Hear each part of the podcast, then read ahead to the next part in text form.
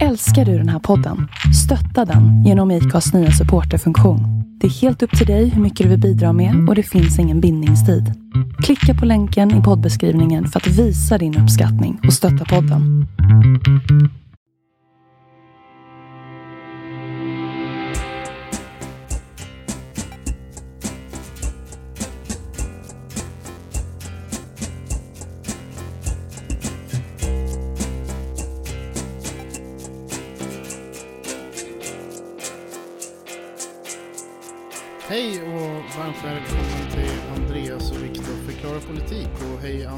Andreas. Hej Viktor! Hur är det med dig idag då? Ja, det är bara bra. Ja. Eh, Själv då? Jo då, eh, en intensiv vecka här. Ska Ja. snart få klart en budget i Södertälje. Trevligt, trevligt. Ja. Blir, det, blir, det, blir det en bra liberal förnyelsebudget?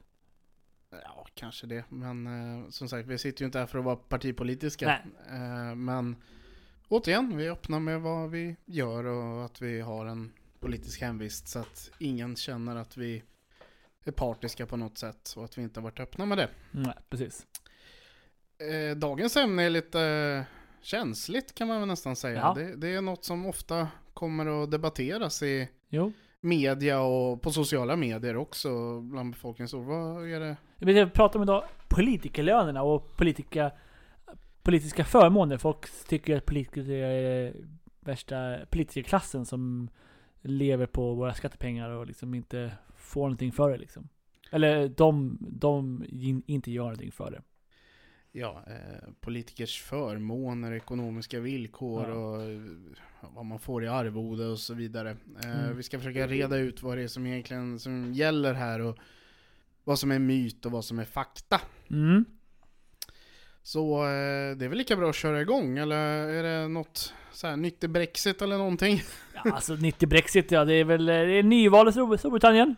Ja. Eh, ja, vi får se vad som händer. Det är ganska oförutsägbart vad som hända nu. Eh, eh, som det ser ut just nu i mätningarna så kommer eh, Boris tillbaka med en supermajoritet. Men eh, man vet ju aldrig hur det går i valen. Det, eh, Theresa May ledde med 21% i, mot Labour för två ett halvt år sedan. Så, och eh, förlorade sin majoritet. Så. Mm.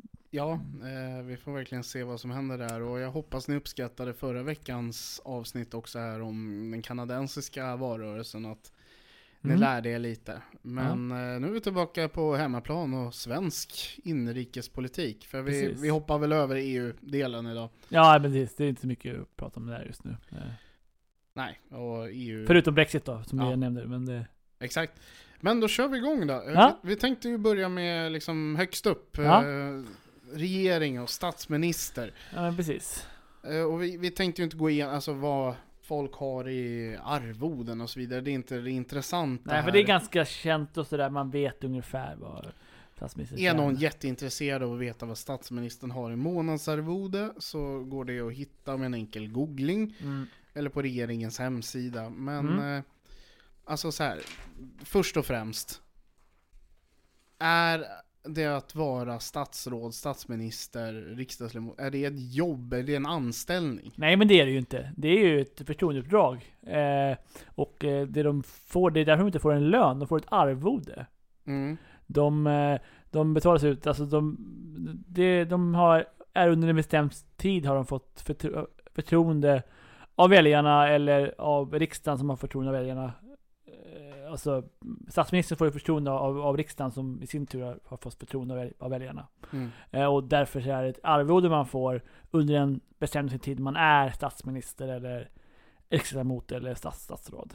Ja, eh, man får ett arvode och det beskattas Oj. som Vilken Eh. eh, lön som helst. Ja. Om, du hade, om du hade bara en lön. Exakt, Andreas stöter till bordet här med sina knän. Ja.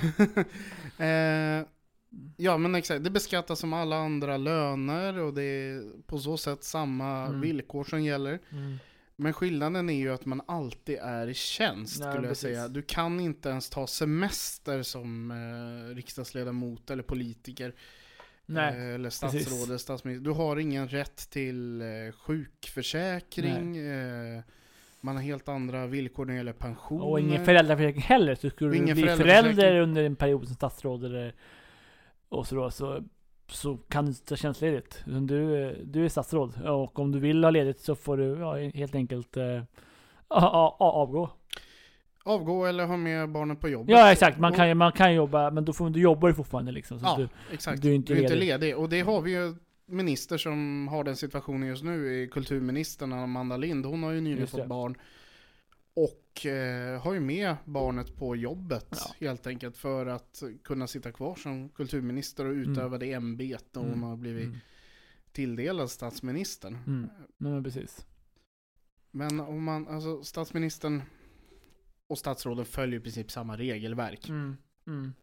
Man kan väl säga att statsministern har en förmån som de andra statsråden inte har och det är ju en tjänstebostad. Mm. Och det är ju av säkerhetsskäl egentligen och representationsskäl. Man ska kunna ta emot internationella gäster och liknande och därför har vi ju Sagerska palatset Ja, i. Stockholm Ja, som precis. är statsministerns tjänstebostad. Mm. Eh, och den har ju lite speciella skatteregler. Ja precis, det, den har ju Om du eh, Om du om, om man har en egen privat bostad då Då är Då är Sagerska eh, Sa- Sa- Sagerska skattefritt Mm. och inte skatteskyldigt. Eh, så att eh, ja, det Det är hemförvis det liksom. Eh, Ja men exakt, du, du Har du en egen bostad, ja, alltså en egen privat bostad. privat bostad som du då kan flytta till när du har avslutat ditt ämbete. Då måste du förmånsbeskattas för eh, Sagerska palatset, den, mm. den bostad du har kopplat till ditt ämbete. Mm.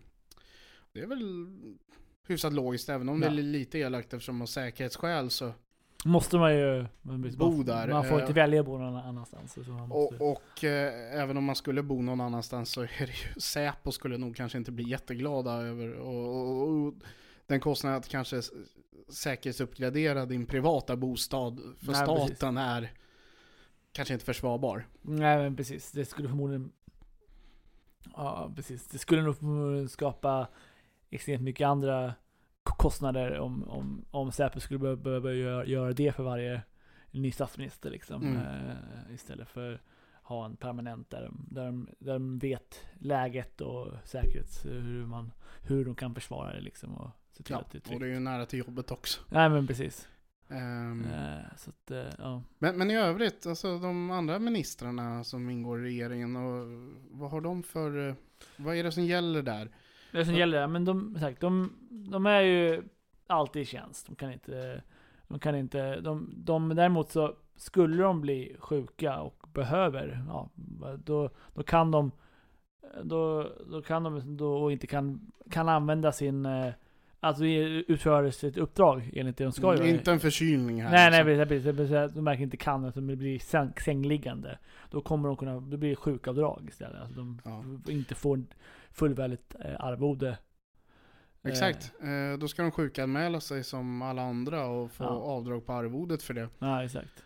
Och, men, men samtidigt ska man komma ihåg att en minister är ju någon som ofta behöver vara tillgänglig. Mm. Och eh, det- är man sängliggande i en sjukdom som är ändå hyfsat jobbig så Mm. kommer nog folk höra av sig med att man behöver fatta beslut. Och, Ja, precis. Så så länge man är minister så behöver man fortfarande eh, fatta de besluten liksom. Så att, eh, ja. och ta ställning i olika Ja, frågor. Så det, det, Så blir det för ohållbart att man är för sjuka, då kommer man förmodligen behöva begära avsked istället från, av statsministern. ja. Um, Semester då? nej, det har, det har de inte rätt till heller. Inte en enda semester då. Nej.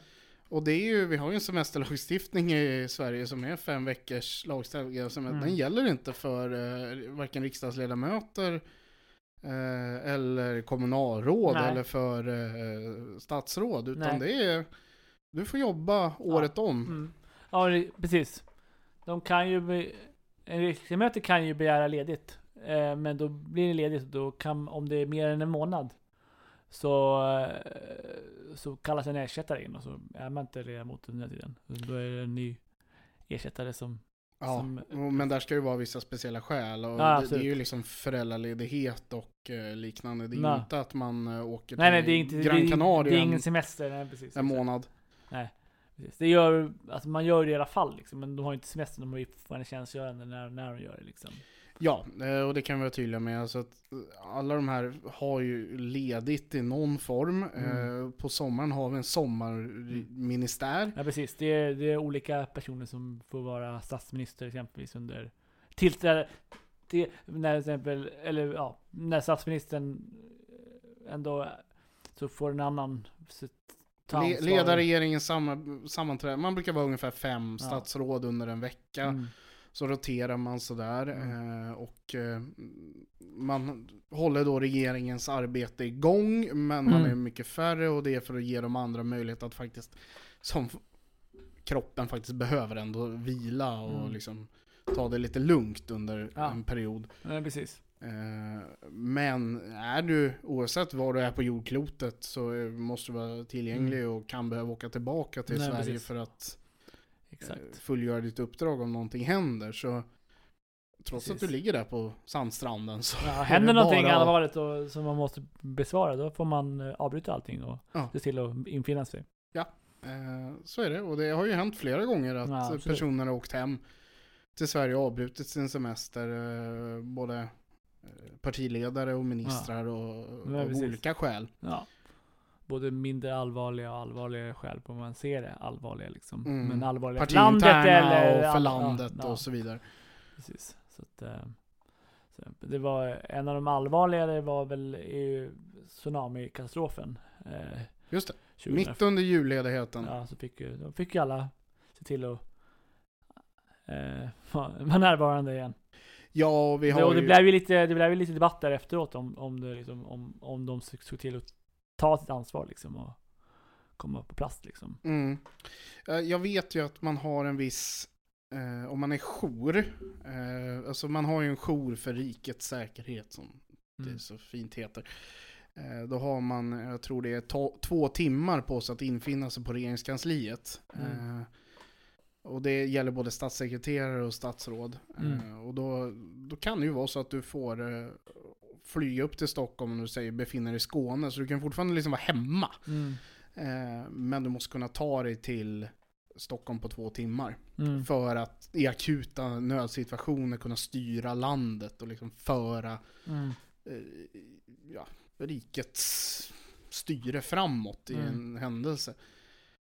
Och ehm, de här kraven, alltså det, det finns ju massa interna bestämmelser som vi inte riktigt har överblick heller över här. Som inte är offentliga och Nej, och, och, så lättillgängliga. Nej, precis. precis. Men det här vet jag i alla fall. Mm. Ehm, och det här roterar ju runt i hela regeringen, vem som är ansvarig. Så det kan bli, det, det behöver liksom inte vara inrikesministern eller försvarsministern, även om i riktigt allvarliga händelser så är det ju de som har huvudansvaret. Men det liksom akuta ansvaret kan ju falla på vem som helst i hela regeringen. Mm. Att fatta snabba beslut tills de andra har kommit på plats och kan, man kan återgå i sina ordinarie roller. Mm. Mm. Och det finns ju exempel om vi går till andra världskriget när liksom regeringen har behövt väckas på morgonen för att ta ställning i väldigt viktiga frågor. Jag Mm. tänker speciellt på midsommarkrisen när, Ja, under, när Tyskland ville korsa svenskt territorium för att ta sig till Finland. Just det, just det. Det, det är ju hur ersättningsreglerna såg ut då och så vet jag inte men definitivt att alla var i tjänst och var tvungna att liksom infinna sig Mm. Ja, då var det inte ens Rosenbad utan då var det ju eh, kanslihuset Mm. som idag är riksdagen. Mm. Nåväl, nog om det. Nej, precis. Eh, sen har man ju lite så här, om man man behöver ju inte bo i Stockholm för att vara statsråd, men eh, har man en viss pendling så har man ju rätt till vissa precis. ersättningar för det, för att en andra bostad och resekostnader och liknande. Och det är väl helt naturligt. Ja, ja. Det är som vilka liksom arbeten som helst liksom så här, när man har tyngre arbetsuppgifter liksom.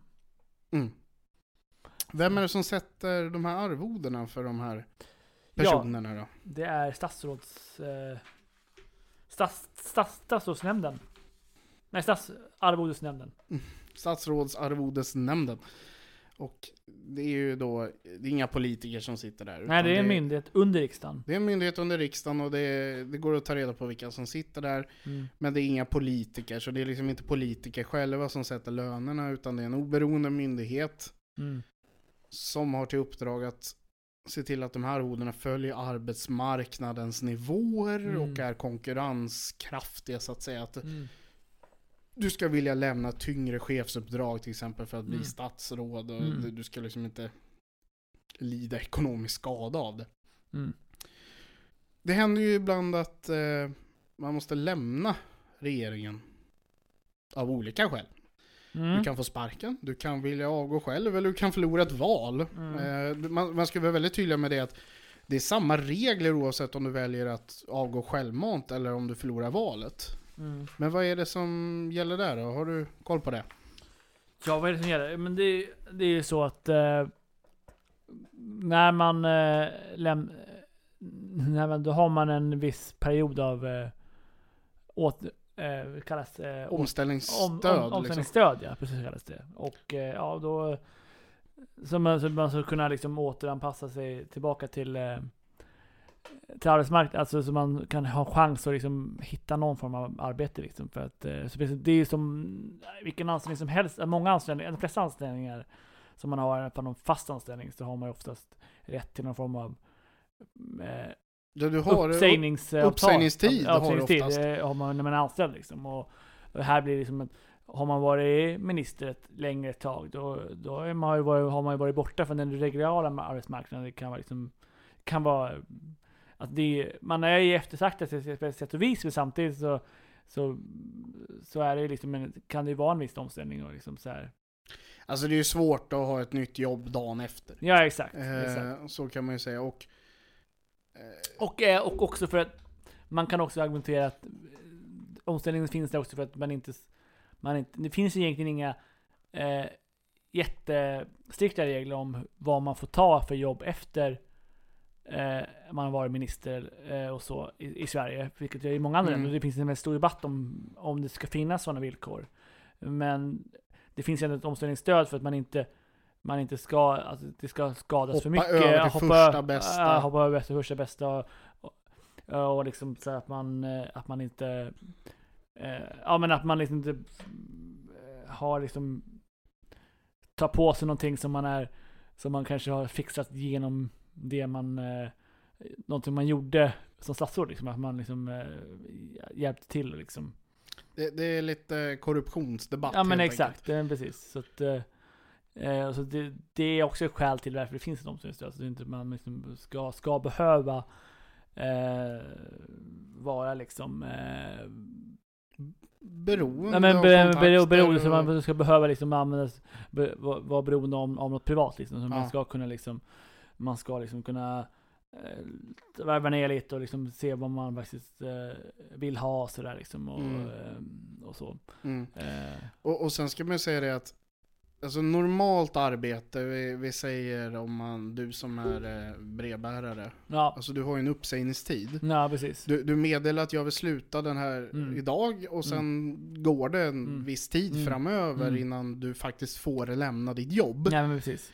Det finns inte på den här nivån. Nej. Utan säger du att du vill lämna, då Då lämnar går du ut genom Ja. dörren samma dag. Ja men precis. Ja, men då, behöver då är man, eller om man har, om man säger om vill lämna, eller man har förlorat, det har skett Förlorat någonting. valet. Ja, förlorat valet och då måste man eh, lämna, då lämnar man i princip från, alltså har man förlorat valet då, då blir det en viss period, eh, typ, typ en vecka, två veckor. Några, några veckor. Ja, några veckor. Tre man, veckor, tror Men jag. det är fortfarande, om man räknar från vad man har för uppsägningstid, eh, efter att ha jobbat några år så har man ju mycket längre uppsägningstid. Man har ju en månad om man bara har jobbat ett, ett eh, tag. Mm. Men om man har jobbat lä- längre då har man ganska mycket, ganska lång uppsägningstid liksom. Ja, Medan här, här har man kanske bara några veckor som statsråd. eh, Och ofta val. chefer har ju väldigt lång uppsägningstid för att Ja. man ska hinna rekrytera en ny. Ja, Eh, men, men det är ju så, man får lämna på dagen och då upphör ju arvodet samma Mm. dag. Mm. Eh, och då är det väl hyfsat rimligt att det, det är ju i princip omöjligt att ha ett nytt jobb Nej, exakt. dagen efter För man visste ju slutar. inte, ja, precis, ja, precis. Eh, Man visste, man vill väldigt sällan vad man planerar, även fast man planerar och att det blir planerad uppsägning, eller av, avsked, Av- eh, liksom att man- avgång. Eller om det blir en, en, ännu mer om man har förlorat ett val, då kanske man inte ens planerar för det. Då kanske man, då planerat för att faktiskt sitta kvar om man Mm. hade kunnat. Och då har man kanske inte heller, då har man förmodligen förhoppningsvis in, inte hållit på och kollat att okej men jag kanske förlorar valet och därför kollar jag på vad jag ska göra istället. Utan man har Ja. bara inställt på att fortsätta. Ja, och det blir ju lite känsligt att springa runt på arbetsintervjuer som statsråd också. Ja Alltså, det är du, exakt. Du hamnar ju i beroendeställning lite Ja där exakt, också. det brukar ju faktiskt rapporteras ibland om att, att, att, att ministrar har varit eh, i samtal med någon att de kanske ska göra någonting annat och så, ja. Om, Ja. om, om det nu skulle vara fallet så har det hänt att det har stått i tidningen om det liksom. Mm. Så det, därför finns det här, och man kan ju se på VD till exempel i det privata näringslivet, Mm. då finns lite samma mekanismer att Mm. du kan få gå samma dag, Mm. men då får du ett omställningsbidrag under en viss tid, eh, eller ett visst antal Mm. månadslöner eller någonting, Mm. För att du ska ha tid att Mm. hitta någonting nytt Mm. som är passande för dig och eh, som liksom så att du inte ska behöva hamna, det kanske inte gäller vd, men för politiker väldigt mycket att du kanske inte ska behöva gå till någonting som du inte, som är känsligt för vad du gjorde Nej precis, precis. innan. Mm. Mm. Att om, om försvarsministern skulle gå till Saab mm. kanske inte är det mest optimala. Nej men precis, precis. Även om jag tror, jag ska inte säga för mycket för jag vet inte, men Saab kanske jättegärna skulle vara en före detta försvarsminister. Ja absolut, i- och jag, det, jag tror inte heller att det, om man får göra det, för det finns ju sagt inga sådana Mm. reg- regler i Sverige. Eh, att vad, vad man får göra istället Ja. efter att man har varit, eller hur länge man Ja. eh, är i karantän. Så flesta andra, många, flest, många länder finns ju den här karantänsregeln. Liksom. Mm. Det är många som också vill införa den i Sverige av olika skäl. Liksom. Eh, och, ja, det är, Men man ska säga, det är ett år man har rätt till det här omställningsbidraget och det är om du har suttit i regeringen i ett år Ja. innan. mm, Så har du suttit i nio månader, då, får du ingen, då blir det ingenting. nej. Eh, De allra flesta hittar något annat uppdrag, Mm. man startar eget, Mm. man går till det privata, man kanske går tillbaka till riksdagen är rätt vanligt. Mm, det är Eh, många som gör också, precis. Mm. Eh, Så det är, och tjänstemän som det här finns för också, de går ju ofta ut i Mm. privata eller till Privat, riksdagen ja, och statssekreterarna, samma sak. Så det, det finns personer som använder det här omställningsbidraget under en viss period och det är helt okej tycker jag. Mm. Det finns här av en anledning. Nej, men de, det är liksom ingen som lever på det hur länge som helst. Nej, för det går inte. Det går inte, det är inte så jäkla förmånligt. Men, eh, och de här, alltså det är ändå personer med driv, man vill ju någonting. Mm, mm. Så ska man inte gå i pension så finns det liksom, då vill man ju ut och i arbetslivet Nej, eller precis. någon annanstans i politiken. Mm. Många är ju riksdagsledamöter i grunden. Mm. Mm. Och på tal om riksdagen då. Där, Ja. det är ju 349 personer så det är lite större än eh, regeringen här. Mm. Ja precis, de har ju, och det, ja, och det är lite andra, det är lite, det är lite andra regler också. Om man jämför med, Ja, det är lite hårdare skulle man väl kunna säga. ja precis, Eh, absolut. Ja, men det är framförallt så, Mer uppstyltat. ja precis, och, eh, ja men precis. Men samtidigt så är det ju tyngre att vara, ett tyngre ansvar att vara minister liksom. För att man Mm. har ju mycket mera med, med plikter och sånt där liksom i, inför. inför Men man, man kan ju säga så här, en riksdagsledamot har ett grundarvode. mm. Sen om du har vissa uppdrag inom riksdagen, om du är vice talman eller Mm. utskottsordförande eller vice utskottsordförande, då får du lite mer. Mm. För de tyngre uppdrag. Mm. Det är naturligt. Mm. Mer ansvar, mer arvode. Nej precis. Ja, precis. Eh, samma sak här, du har ingen rätt till semester. Du är Nej. alltid i tjänst. Och eh, all form av ledighet måste beviljas. Mm. Om, Man kan söka tjänstledighet och då går en ersättare in i Ja, alla fall. Det, det är ju någonting som, och det är ju föräldraledighet till exempel, är väl det eller eller vanligaste. sjuk, eh, sjuk, sjukfrånvaro. Sjukfrånvaro ja. Och även här ska man anmäla om man är sjuk. Mm, Eh, mm. Men återigen så, de flesta, alltså har man en förkylning eller influensa, du kan göra någon viss av Mm. jobb. En viktig skillnad här är att man har sitt tjänsteställe, sin bostad skulle jag säga. Alltså våra riksdagsledamöter representerar ju hela Sverige och Ja. bor över hela Och Sverige. vi sitter för olika valkretsar liksom. Mm. Oavsett hur man valdes in så sitter man Eh, för någon valkrets i Sverige. Och det är ens bostad som är ens tjänsteställe. Så så fort man lämnar den så är man ju då på en tjänsteresa. Mm. Och tjänsteresor ska ju arbetsgivaren eller uppdragsgivaren, alltså riksdagen i det Mm. här fallet, betala. Så, eh, Så har- resorna till riksdagen eh, betalar riksdagen. Ofta löser Mm. man det genom att man har årskort på SJ. Det blir billigare i längden. Ja, precis, alltså precis. åker du Massor. Och, massor. Eh, du åker minst fram och tillbaka varje vecka Mm. till riksdagen. Kanske från, vi säger Skåne, eh, Göteborg. Eh, och sen kanske du åker på lite studiebesök Mm. eller eh, resor med, alltså för partiet, besöker partiet på flera ställen. Det, det blir en del genom år och du kan Mm. skriva enskilda reseräkningar för det här. Men jag kan banne mig ge mig på att det är dyrare än att riksdagen använder det här årskortet Mm. som man köper av SJ. Mm. Bor man riktigt knasigt eh, eller långt bort, då kan du få flyga istället. Mm. Det är lite hårdare regler. Precis. Eh, Vi försöker, man, vi försöker ändå att vi ska vara miljövänliga. Så Ja. att, eh, det, Men, men jag kan förstå, bor du i Kiruna, då åker du tåg, då hinner du inte hem innan det är dags att åka tillbaka. tillbaka. Hinner du aldrig vara i valkretsen. Nej. Eh, eh, precis.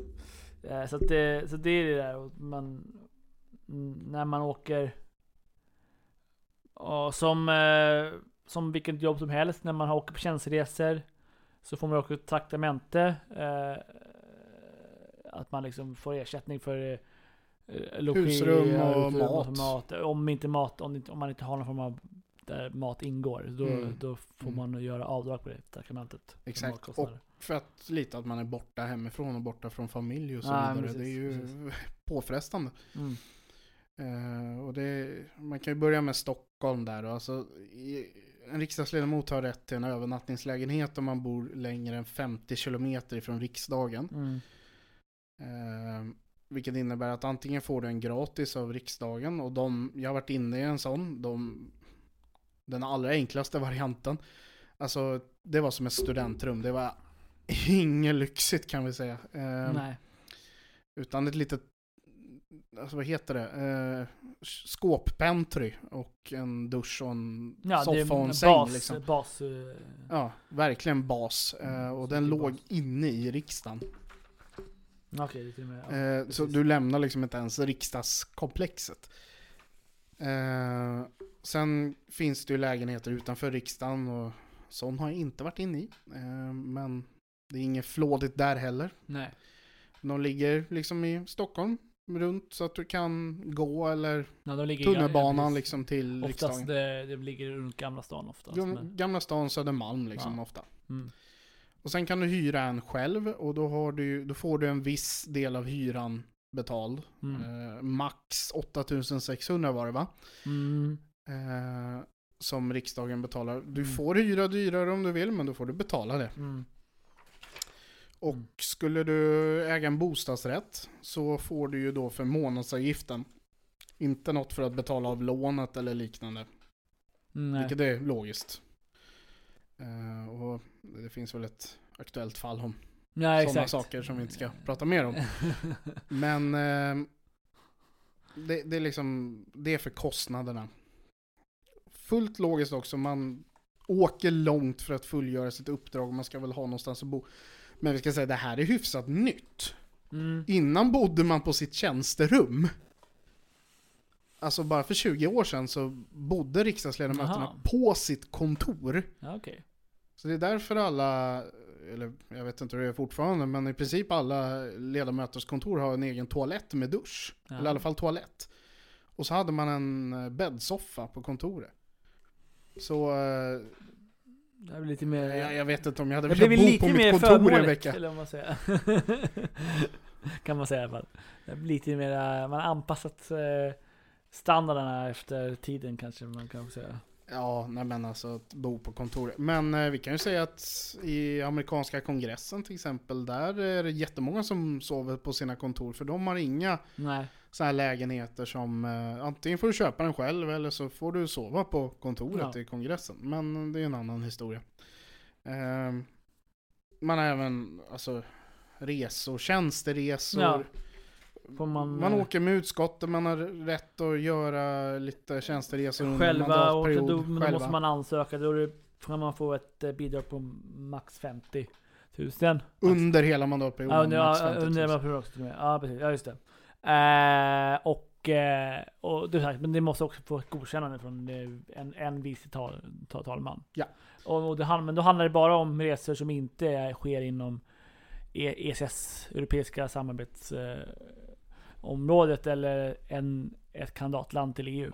Mm. Eh, för där får man, då, inom det får man göra resor utan de här, eh, ut, utanför de här 50 000 under ma- mandatperioden. Ja. Utan god- godkännande. För det är det är billiga resor liksom. Men skillnaden att om man åker utanför om det här området så är det ju oftast mycket dyrare att resa. Det är längre, Längre. och det...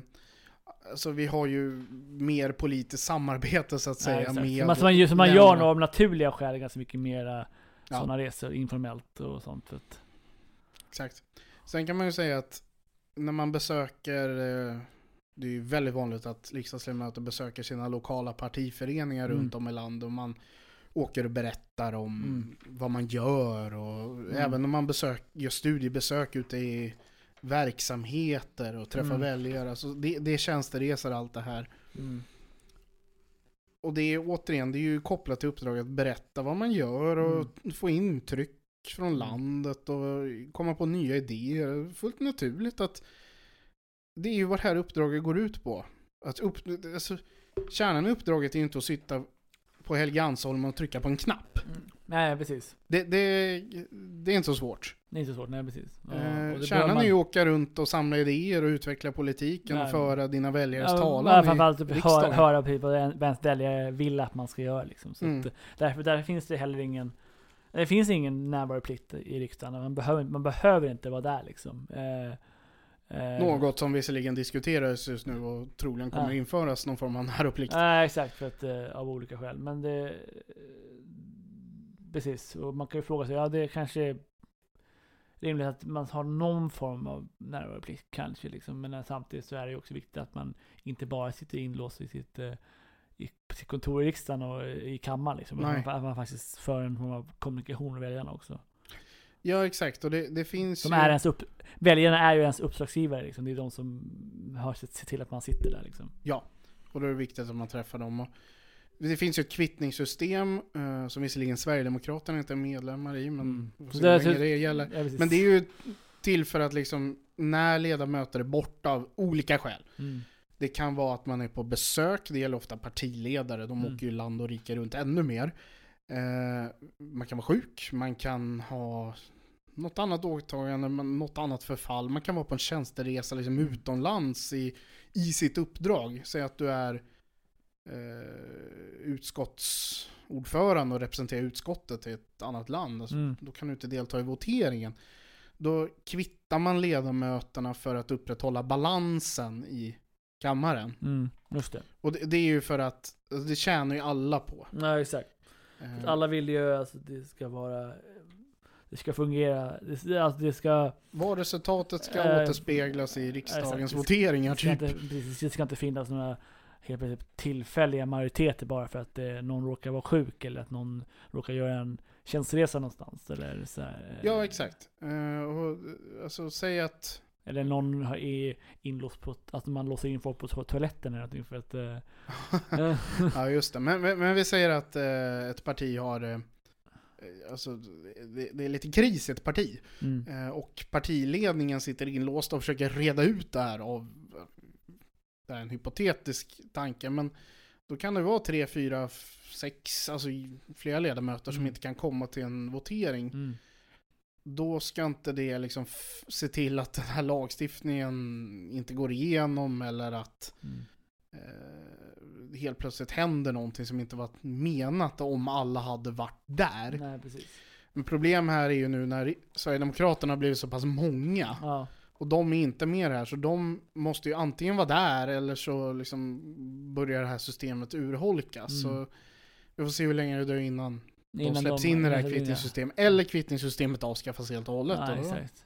För att det, ja, det, det funkar ju liksom för att det finns ett eh, någon form av grundläggande eh, tillit mellan partierna liksom. Ja. Eh, det är därför det fungerar. Liksom. Och om, här politiken förändras idag, vi ser ju hur allt mer polariseras och liksom att det eh, att man inte riktigt har samma eh, förtroende mellan partierna och då, och, och då kan, och då är ju sådana här system kan ju bli mindre vanliga för det kan bli svårare att Mm, få det funka. mm. Vi ska också säga de här kvittningsmännen som det kallas. Eh, de, alltså det är ju ofta inte att de sitter hemma och rullar tummarna utan de går bara inte till kammaren för att rösta och så sitter de på kontoret och jobbar istället. Så ni behöver inte vara oroliga att de inte är där eller inte gör sitt jobb. Utan det är, man hittar en balans Mm. liksom. Ja, för att det här och de gör något annat värdefullt med sin tid. Sen finns det ju också bordläggningsplenum. Det är liksom sitter en ledamot och man bara bordlägger ärenden men det, är ju en, det har ingenting med har det här att göra det har Men det är intressant kuriosa. Ja, exakt. Eh, Eh, med arvoden och sånt att göra. Men ja, nej men så att eh, det är ju hur har vi, är det, är det något mer så är det något mer arvode eh, som förmåner som riksdagsledamöter har som vi inte har nämnt eller? det finns ju detaljer men vi, tiden är knapp så jag tycker vi går över på Ja, kommuner och kan bara säga så regioner. här alltså Man brukar bara generellt sett säga att eh, riksdagsledamöter och att, att det är väldigt förmånligt att vara Man kan säga ja, kanske men de samtidigt har de ganska mycket att, att göra liksom. De um, på olika sätt reser runt hela tiden och eh, aktiva och sånt liksom. Så det, så det ja. Det är inte världens högsta lön för den mängd timmar man lägger ner. Så de som, som de flesta lägger ner liksom. Så att, Ja. eh, det, sen finns ju alltid undantag men Mm. Men ja, absolut. Nej, nej men okej, men det, med, med lokal nivå då, så är det, eh, man, eh, blir, blir man rik på eh, kommunala uppdrag? Det skulle jag verkligen inte säga. blir, Jag blir, man, blir inte, man inte rik på riksdagsuppdrag heller, men jag skulle inte säga att du blir rik på någonting inom politiken. Nej. Eh, alltså arvodena är inte höga. Eh, men om man går på kommunal nivå så är väldigt mycket uppe till kommunen själv. mm, Och med kommuner menar jag både primär och sekundärkommuner, mm, regioner och ja, kommuner. just det. Just det.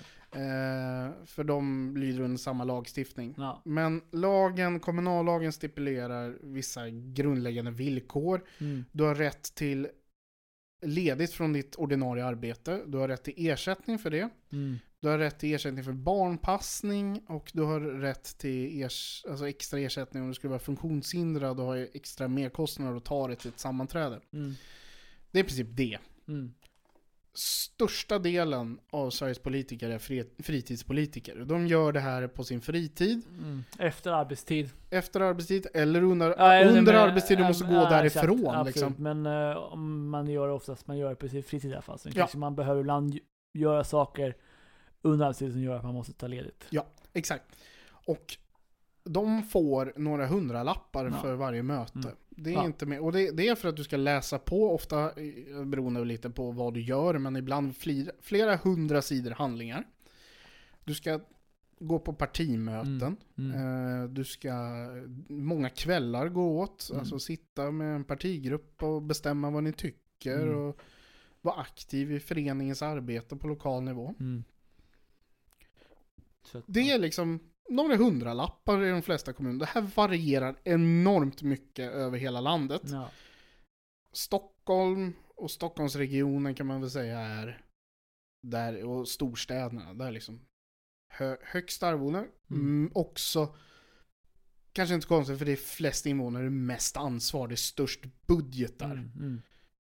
Medan i landsbygdskommuner och kan Mm. det vara jättelågt. Det finns kommunstyrelseordförandena i landet som inte är heltidsarvoderade. Mm. Det är ändå hyfsat vanligt att den högsta politikern i kommunen jobbar heltid med politik. Men det Mm. finns kommuner i landet där så inte är fallet. Regionerna är ofta, alltså det är ännu större verksamheter, det är ännu större budgetar, det är mer ansvar, det är mycket mer personal man har ansvar för Mm. och mer väljare man ska ha kontakt med. Där är det ofta kanske inte högre arvoden för vanliga fritidspolitiker, det skulle Nej. jag säga. Eh, det, det kan vara lägre än kommunal nivå. Eh, men ofta finns det fler heltidspolitiker. Mm. Nej men precis. Eh, nej men precis. Och eh, det man kan säga också att även fast man har rätt eh, till ersättning från av förlorad ar arbetstid och sen att man har rätt att ta ledigt från sitt arbete när det krockar med sitt, eh, ar arbetstiden. Mm. Så att det är aldrig det är ju svårt för det är aldrig populärt att behöva ta ledigt och försvinna där över, alltså över dagen liksom från jobbet liksom och sådär. Så att, eh, Nej, antingen så... Jag har jobbat i industrin och det liksom, då var det någon annan som var tvungen att göra mitt jobb. mm, precis. Gå in och täcka min del i Mm. produktionen liksom, när jag var borta en eftermiddag. Men precis. Eh, och gör du något annat så kanske du får göra det sen en annan dag. Ja, så det men liksom, arbetsbördan försvinner ju inte. Så det, Nej. Arbetsgivare kan inte säga nej, men de är oftast kanske inte superduperglada. Nej exakt. Men- och händer det någon gång så händer det nog mer än mer än en gång liksom. Så att om, om man, då har, man förmodligen ett sånt, sånt uppdrag liksom. Mm. Eh, Och sen så, man vet jag, att jag har förstått att att det alltid så är det inte, även fast man har en form av ersättning för, för arbetstid så är det inte alltid så att det helt täcker upp liksom för Nej, vad man eh, beroende på kommun förmodligen. Men, nej eh, exakt. Och det, det, alltså, det här blir ju en djungel som är, kan vara väldigt jobbig som förtroendevald att täcka upp för. Men alltså, ofta har du en tjänstepension mm, som du går miste om när du, och inbetalda pensionspengar mm, för den arbetstid du skulle vara. Den går du liksom miste om. Och Mm. du kan begära in den av kommunen, men det är massa intyg och Ja. det är grejer. Och du har ett annat tjänstepensionsavtal ja, som fritidspolitiker som jag vet inte hur förmånligt det är i jämförelse med det som finns i... ja, det är nog olika på vilken, vilken bransch man jobbar i. då, Exakt. Liksom, det, Eh, det, det är väldigt svårt att reda på, men det är liksom ett annat avtal Ja. där som gäller. Så du, du, jag skulle säga att du går minst plus minus noll. ja. Du går definitivt inte plus Nej. i alla fall. Och det är nog ingen, det är nog väldigt det är nog inte alltid folk kanske, många fritidspolitiker väljer att också krångla till det med att också begära ersättning för Ja, tjänstepensionspensioner. det, är enklare att man bara... tänker bara, jag vill, jag vill ha ersättning för lönen. Så, så, Ja. Och man kanske inte ens tänker på att man, att man, eh, att man det här med tjänstepensionen går miste om det. Man kanske glömmer bort det liksom. Ja. så, för att man tänker bara, ja, jag ska ha ersättning för min lön. Sen glömmer man bort att man, just det, jag förlorar också pensionspoäng liksom. Ja. Eh, Och det är liksom ett yrkande du ska göra ett år efter Ja. det har hänt. Så det, Nej, precis. det, det är krångligt. Ja. Eh, sen finns det ju heltidspolitiker i kommuner eller deltidspolitiker. Mm. Alltså personer som ändå har viss månadsarvodering men och kan jobba med sitt politiska uppdrag kanske en, två dagar i veckan. Mm, mm, mm. Sen finns det de som gör det på heltid. Mm. Eh, och här varierar det återigen enormt mycket mellan kommuner och regioner. Hur mycket arvode man har, vad man har för förmåner och Mm. vad man har eh, för liksom, Ja, lön. ja, arvodet. Ja, arvode eller men, vad man har för heltidsarvode liksom. Ja, eh, och beroende på vad det är för, alltså så här resersättningar och sånt kan också variera. Om du har rätt ens till att få resersättning. Ja, för det, det sa, nämnde ju inte att det fanns i, kommun, i, i kommunlagen att det bara fanns något. Nej, alltså du kan, du får ofta eh, ersättning för att ta det till ett möte. Mm. Vad gränsen är, om det minsta är 5 kilometer eller 5 mil, Mm. det är upp till kommunen att avgöra. Ja. Eh, och för kommunalråd så kan det vara så att det inte utgår någon ersättning för att åka på och besöka verksamheter Nej, eller någonting. Det ingår liksom i, Det, det, i, ar, i arvodet, Ja. helt arvodet liksom. Om man är helt, det här varierar enormt mycket var, var man bor och det varierar också vad för tjänstemannastöd i form av politiska sekreterare man kan få. mm. Det är upp till, ja, mycket av det här är upp till kommunerna själva att bestämma. Mm. Eh, och så, ofta har du åtminstone, du har rätt till en arbetsplats och en telefon och en dator, men det, det är väl inte så mycket. Nej, det, för det jobbar du häcken av dig. Ja, men precis. Och, ja, och, och vi ska vara tydliga med det, det är återigen ingen semester. Och, eh, liksom, nu, nu har det införts att man kan få föräldraledigt och vara sjukled, alltså sjukskriven. Ja, det, Men det är rätt, ny, det, det, det, är det är rätt nyligen. det är bra att man har fått det i alla fall. Så nu kan man vara sjukskriven som Tidigare så politiker. var man tvungen att Innan det var det, alltså, avgå om man, eh, ja men faktiskt. om man, om man fick fick en all, allvarlig sjukdom. Avgå eller uh, bita ihop. Ja. Och det är så medmänskligt kanske inte det. Nej, precis. Exakt. Eh, Men, men kontentan av det här kan man väl kanske säga att det är inget du blir rik på, det är inget förmånligt Nej. och det är väldigt mycket jobb för Men faktiskt precis, inte det- jättemycket nej, ersättning. exakt. Det, exakt, det, exakt. Det, det här, och det här är liksom, när man säger att eh, politikerklassen liksom, så är det man pratar om egentligen det är huvuddelen fritidspolitiker som lägger enormt mycket av sin egen fritid på eh, Mm. att ja, se till att samhället eh, fungerar och liksom, Ja. eh, att det utvecklas framåt. Alltså att eh, ja, Ja, nej, men ja, vi, skola och vård och sånt funkar. Och, vi, vissa åker och spelar fotboll eller Ja, vad det må vara. och de, bara här njuter av sin fritid och så här, ja. ja, de här personerna sätter sig på ett möte en sen oktoberkväll när deras, Efter en Efter åtta jobbet. timmars arbetsdag. Och, deras partner hemma med skrikande småbarn. Ja. Eh, och, och du sitter där och försöker få att skolvård och omsorg ja, fungerar. ja. Eh, precis. Så att dina barn, eller vad det må vara, kan få den service de Mm. behöver i kommunen och har rätt till. Så Precis. det är stort tack till alla fritidspolitiker där ute för Ja, all tid ni lägger ner och allt engagemang och slitet det är att faktiskt utföra de här uppdragen och den viktiga Ja, alltså, delen i samhället. Exakt, jag menar om, eh, om ingen, det, om ingen hade, om det hade varit ännu färre som hade gjort det så hade vi haft problem för att få saker och ting eh, fungera liksom. Ja. Eh, så, det är ju väldigt, eh, det är ju ibland idag väldigt svårt att få fritidspolitiker också. Det är inte Mm. det mest efter, eftertraktande, eftertraktande uppdragen. Fast Nej. det är, alltså jag har oftast varit varit med om att det, att det, eller, att det finns en konkurrens eh, inom internt och sådär när, när, när man väljer. Men inte, inte alltid det gör det liksom. Nej, Eh, nej. Och det är ju... Du, du får ju stå över väldigt mycket Mm. för att ha tid och ork med det här. Mm. Så, eh, alltså, det, de, det här är viktigt för att din lokala demokrati ska fungera och att Mm. du ska få re, vara representerad i styret av din kommun eller Mm. region. Att de här personerna faktiskt vill ta sig den här tiden Mm. att representera dig. Mm. För det är ytterst den valsedel du lägger i valhurnan på valdagen som avgör vilka som Mm. får den här chansen. Mm. Och eh, alltså finns det inga att rösta på sen så kommer den svenska demokratin urholkas. Ja visst, man kan ju gå och rösta. Om, om bara folk, bara om, om alla typ skulle bestämma sig för att nej, jag, enda demokratiska skyldigheten jag har det är att lägga val, valsedeln var fjärde år så, så skulle det inte, skulle det vara väldigt svårt. För det skulle inte finnas några, det skulle vara tomma full, fullmäktige, fullmäktigesalar efter, efter, efter valet Mm. istället. Ja men exakt. Men det var väl det hela så att säga ungefär. Ja, men det är precis. Eh, ja.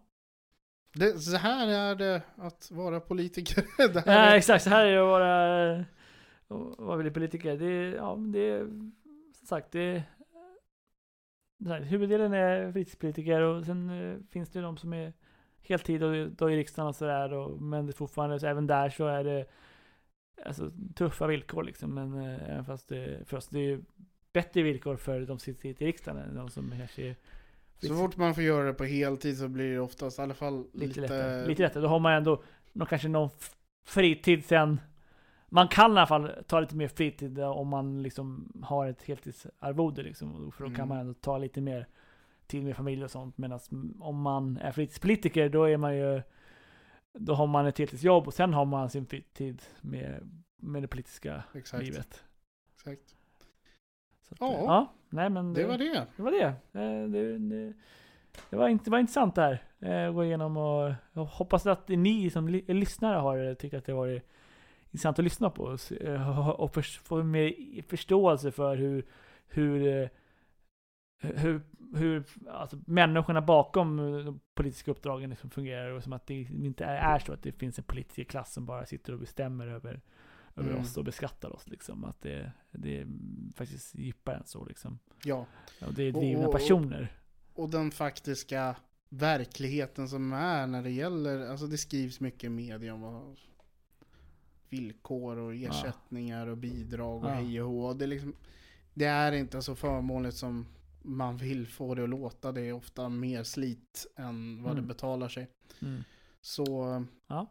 ja, Men, nästa vecka ett nytt ämne i alla eh, fall. Ja, precis. Vi får se vad det är då. Men eh, sagt, eh, vi är alltid öppna för att eh, höra vad ni vill, vad vi vill, vill att vi ska prata om och förklara, förklara politiskt. Mm. Så bara skriv till oss på vår Facebook-sida där Andreas och Viktor förklarar politik. Eller ja, det är där man skriver till oss. Eh, Ja, vi, har, det- det vi har en Patreon också där man kan skriva till också. Om ni vet vad det är. Det är en eh, form av eh, stödtjänst där man kan ge kan stöd, stödja oss om man vill. Om man känner att det här vi är så bra så att man vill ge, oss lite någon liten peng för att det, vi, det, det är det vi gör liksom. Det, är- det är inget vi verkligen inte vill, eller så här, det är inget, det är inget som vi liksom säger att ni ska, men bara så här, vi, om ni känner att det är så, så men annars, där kan, där kan ni i alla fall skriva och ge också eh, idéer på eh, inlägg, vad, vad vi ska prata om. Ja. Eh, ja, jo, vi har en Patreon. Eh, vi gör ju det här på vår fritid. Ja, exakt. Eh, har- Utöver vår politiska, politiska liv också, som vi också, i alla fall jag gör på min fritid. Viktor har ju, jobbar ju med politiken, men Jo, men, Men han gör eh, precis det micken också. jag pratar jag, har, jag betalar med mina egna Nej, pengar. den, Micken jag pratar ju också, han pratar med sina egna, betalar med sina egna pengar. Hur- som helst. Eh, Ja. Gå in på vår Facebook-sida, gilla den, kommentera. Kommentera vad vi ska prata Följ om. oss där ni lyssnar på poddar, lämna gärna en recension om ni gillar vad vi gör. Hör av er med förslag på ämnen och Yes. eh, om, ni vill, om ni vill något. Alltså, hör bara av er, det kan vara kul. Ja, Annars så ses vi nästa måndag. yes, ha, ha det bra. Ha det bra.